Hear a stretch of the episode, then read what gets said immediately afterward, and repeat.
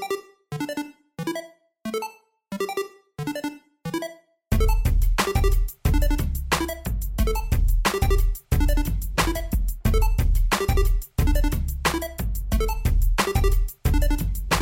Mindenkit szeretettel köszöntök, a mikrofonnál Rupácsics Judit Csilla, és ez egy újabb értágító, és igen kedves vendég ül velem itt a stúdióba. Szeretettel köszöntöm a Nagyváradi Művészeti Líceum aligazgató nőjét, Nagy Gabriellát. Én is szeretettel köszöntöm a kedves hallgatókat. És hát úgy kerültünk ide a stúdióba, Székelyhídra, hogy a liceumnak a diákjai most már nem először jönnek ide Székelyhídra, a Szabó Odzsa színházba. Így van, ez az együttműködés már tulajdonképpen a tanév elején elindult, és decemberben karácsony előtt érkeztünk ide először a diákokkal, majd januárban is a Magyar Kultúra Napjához kapcsolódóan egy nagyon szívmelengető koncerttel örvendeztethettük meg a székelyhidi közönséget, és most egy nagyon érdekes és egyedi koncertet mutattunk be, ahol pedagógusok és diákok léptek fel, valamint egy kis szeletet elhoztunk a március 15-i műsorunkból is. Hogyan készültök ezekre az előadásokra, és ez, ez az egyetlen hely, ahol fellépnek színpadra a diákjaitok, vagy pedig vannak, van esetleg olyan diák, aki mondjuk a Szigligeti Színházhoz is besegít, vagy, vagy van olyan előadás másütt is, ahol, amivel felszoktatok lépni? Igen, hát ami igazából a profilunkhoz hozzátartozik az, hogy a gyerekek gyakran legyenek színpadon, megszokják a közönséggel való kommunikációt, legyőzzék a lámpalázukat, Úgyhogy mindenféleképpen az első és legfontosabb színpad az az iskola színpad, az iskola díszterme, ahol katedra koncertek formájában, vagy kamara együttesek fellépésével megmutathatják a tehetségüket. Ugyanakkor, mint ahogy említetted, a Szigligeti Színházzal is együttműködünk, életbe ültetjük minden évben ezt az iskola a színházban, színház az iskolában projektet, amelynek keretén belül a diákjaink több darabban is szerepelnek, sőt, tehát a színházal együtt is voltak már itt Székelyhídon ezen a színpadon, úgyhogy nagyon otthonosan mozognak, ha úgy tetszik ezen a színpadon és bármilyen kulturális rendezvényre meghívnak, például a Várban fotótörténeti kiállítások alkalmából, vagy könyvbemutatókon, képzőművészeti kiállításokon rendszer, rendszeresen fellépünk. Milyenek voltak ma este a diákjaitok? Hát lenyűgözőek Tanári voltak. Szemmel. Lenyűgözőek voltak. Mi általában pedagógusok végig izguljuk mellettük, meg a szülők mellett a, a koncertet, de ugyanakkor át is éljük, és mindig olyan élményekkel ajándékoznak meg minket, ami hát örök, örökre szól, örök életre szól. Ha csak belegondolunk abba, hogy mondjuk egy családi ünnepségen, ha a gyerek leül a hangszerhez, leül a zongorához, és úgy köszöntik fel az ünnepeltet, mennyire más, és milyen meghitt hangulatot tudnak teremteni, úgyhogy mindenféleképpen tényleg olyan, olyan pillanatokat élhettünk át véleményem szerint, amelyek egyedivé teszik a diákokat, élményeket szereznek a hallgatóknak, és szerintem nagyon-nagyon meghatározóak. Már maga az is, ahogy készülnek egy koncertre, ugye ez a következetes gyakorlás naponta, tehát van olyan diákunk, aki ilyen félórás gyakorlással kezdi, de van olyan diákunk is, aki 12. osztályra már 5-6 órát gyakorol naponta hangszeren. Például múlt héten Brassóban a Filharmóniával koncertezett az egyik diákunk, Ilis Dominik, 12. éosztályos tanuló. Ezen a héten Bukarestben az Ateneumban lép fel. Tehát vannak különlegesen tehetséges diákok is, ez mindegyiknek nem csak a tehetségétől, hanem a szorgalmától is függ. És ha következetesen szülők támogatásával minden nap gyakorolnak, én azt gondolom, hogy mindegyik megtalálja a helyét. Milyen hangszereket tanítotok ti a művészeti liceumban? A hangszeren tanuló diákok már elemi osztálytól kezdve jelentkezhetnek a művészeti liceumba, mégpedig úgy, hogy a külsős osztályba jelentkeznek. Ez azt jelenti, hogy első, másodikos, harmadikos és negyedik ö, osztályos külsőseink vannak, akik zeneelméletre és hangszerre jönnek hozzánk. A hangszerek alatt itt értem a zongorát és a hegedűt, tehát ez a két alap hangszer, amin megtanulnak játszani. Ötödik osztálytól kezdve pedig ö, már bővül a paletta, és megjelenhet a cselló, a fuvola, a trombita, a klarinét, hetedik osztálytól, amikor már egy kicsit nagyobb bacskák, akkor nagy bőgőre is jelentkezhetnek. És azok a hangszeresek, akik zenekari hangszeren játszanak, tehát a gitárt és a zongorát leszámítva, azok zenekari órákon is részt vesznek hetedik osztálytól kezdve. És nagyon büszkék is vagyunk rá, tehát a zenekar az mindig is az iskolánk egyik nagyon emblematikus együttese, úgyhogy nagyon-nagyon örülünk az ő fellépéseiknek is.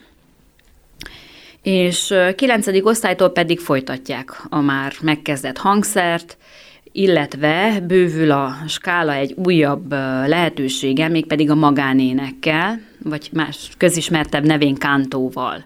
És akkor itt klasszikus kántót vagy népi kántót is választhatnak a diákok. Hát és tegyük hozzá, hogy azt hiszem két éve lehetőségük van tovább tanulni, miután leérettségiztek Nagyváradon. Ha jól tudom, akkor a Párcium Keresztény Egyetemen nem olyan rég indult kántószak, vagy magánénekszak. Így van, van is diákunk a Párciumi Egyetemen magánénekszakon.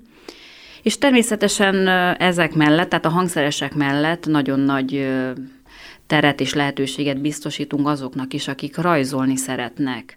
Tehát ötödik osztálytól lehet jelentkezni rajzra, vagy képzőművészetre.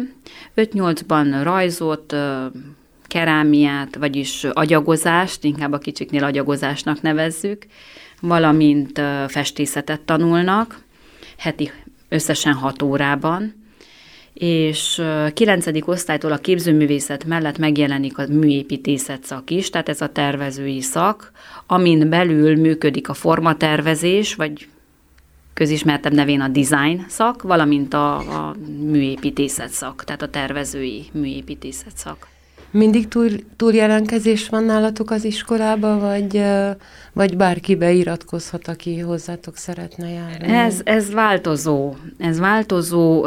Többnyire elmondhatjuk, hogy állandóan vannak jelentkezők, tehát nincsenek létszám problémák az osztályokban, de ami nagyon-nagyon fontos és egy kulcsfontosságú dolog a tehetség. Ugye, ahogy, ahhoz, hogy bekerüljön egyáltalán egy diák, ami iskolánkban egy tehetségfelmérő próbán vesz részt, ami elég nehéz, tehát azoknak, akik, akiknek nincs meg ez a velük született tulajdonságuk, ez a tehetség, ami belülről jön, meg ez a kreativitás, azoknak nehéz megfelelni ennek a próbának, de általában tehát az esetek 99%-ában olyan diákok jönnek, akik szeretik a rajzot vagy a zenét, szeretik az iskolának a hangulatát, azt a környezetet, ahol dolgoznak nap mint nap, és tulajdonképpen úgy érzik, hogy ez a második otthonuk.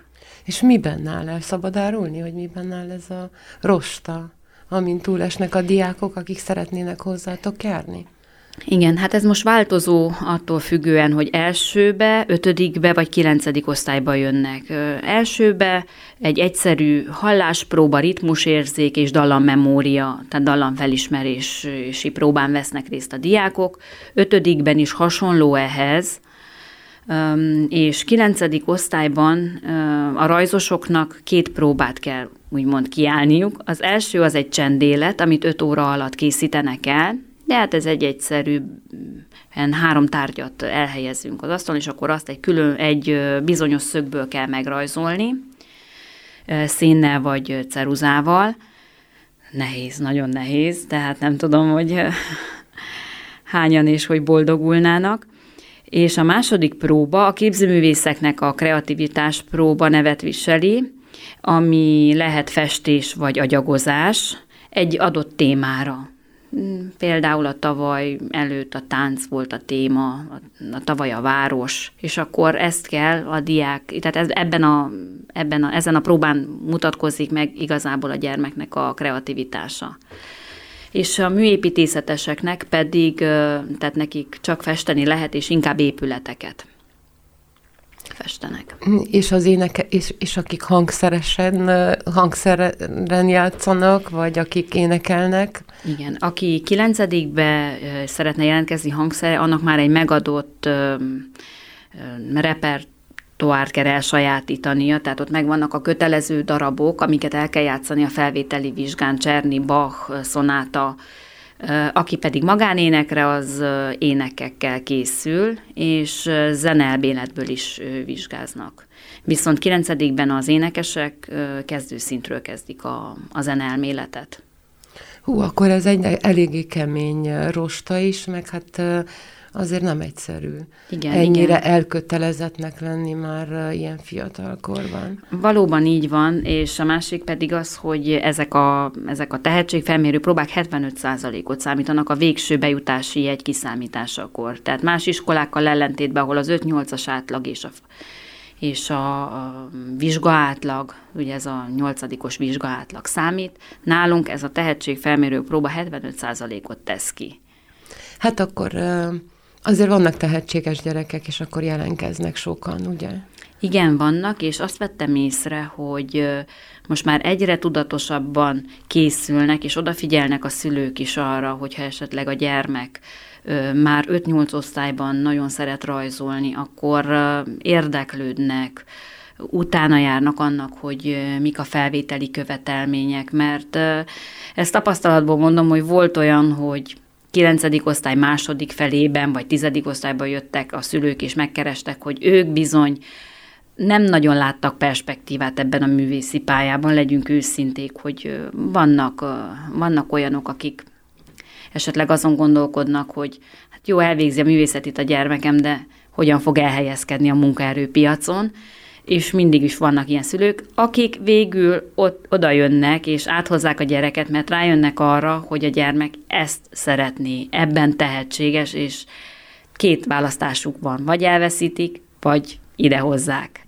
Olyan előfordul, hogy esetleg valakit eltanácsoltok? Hát általában a, a tehetségfelmérőkön kiderül, hogyha valaki odavaló vagy sem, olyan, hogy diák tőlünk elmenjen, nagyon-nagyon ritka esetben történik meg. Csak esetleg olyan volt, hogy kiköltöztek külföldre, és akkor az egész család elment.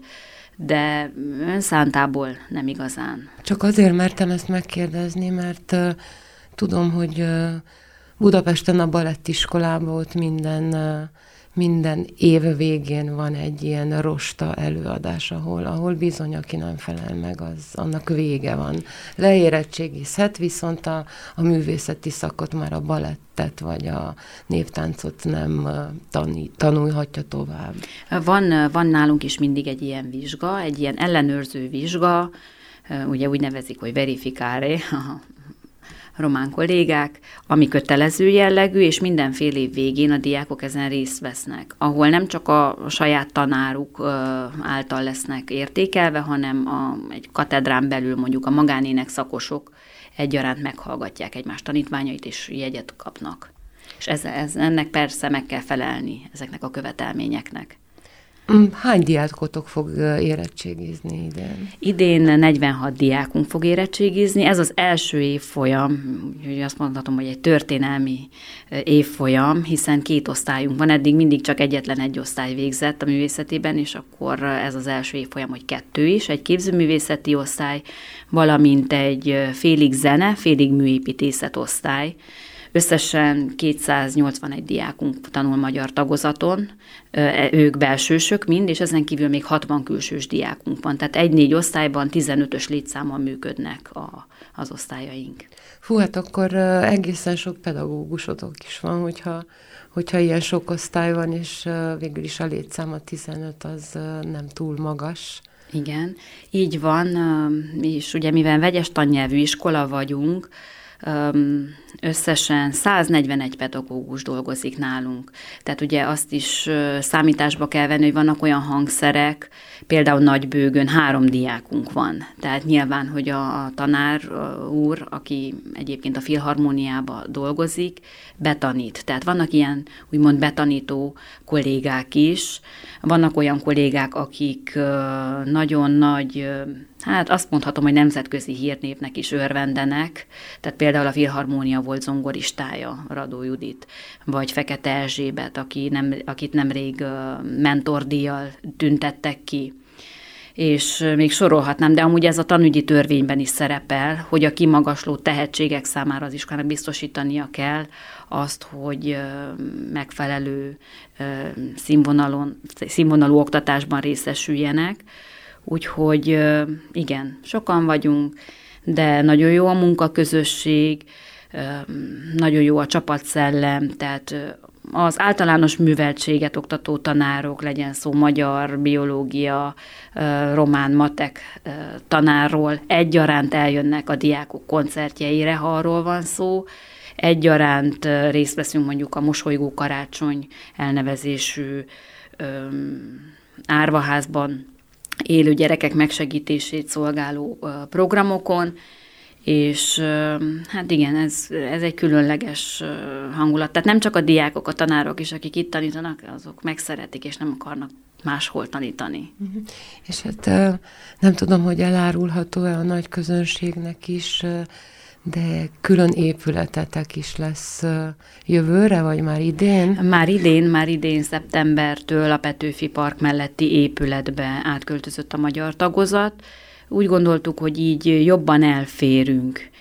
Mi is, mint magyar tagozat, és több tanterem marad a másik épületben is ezzel az átszerveződéssel.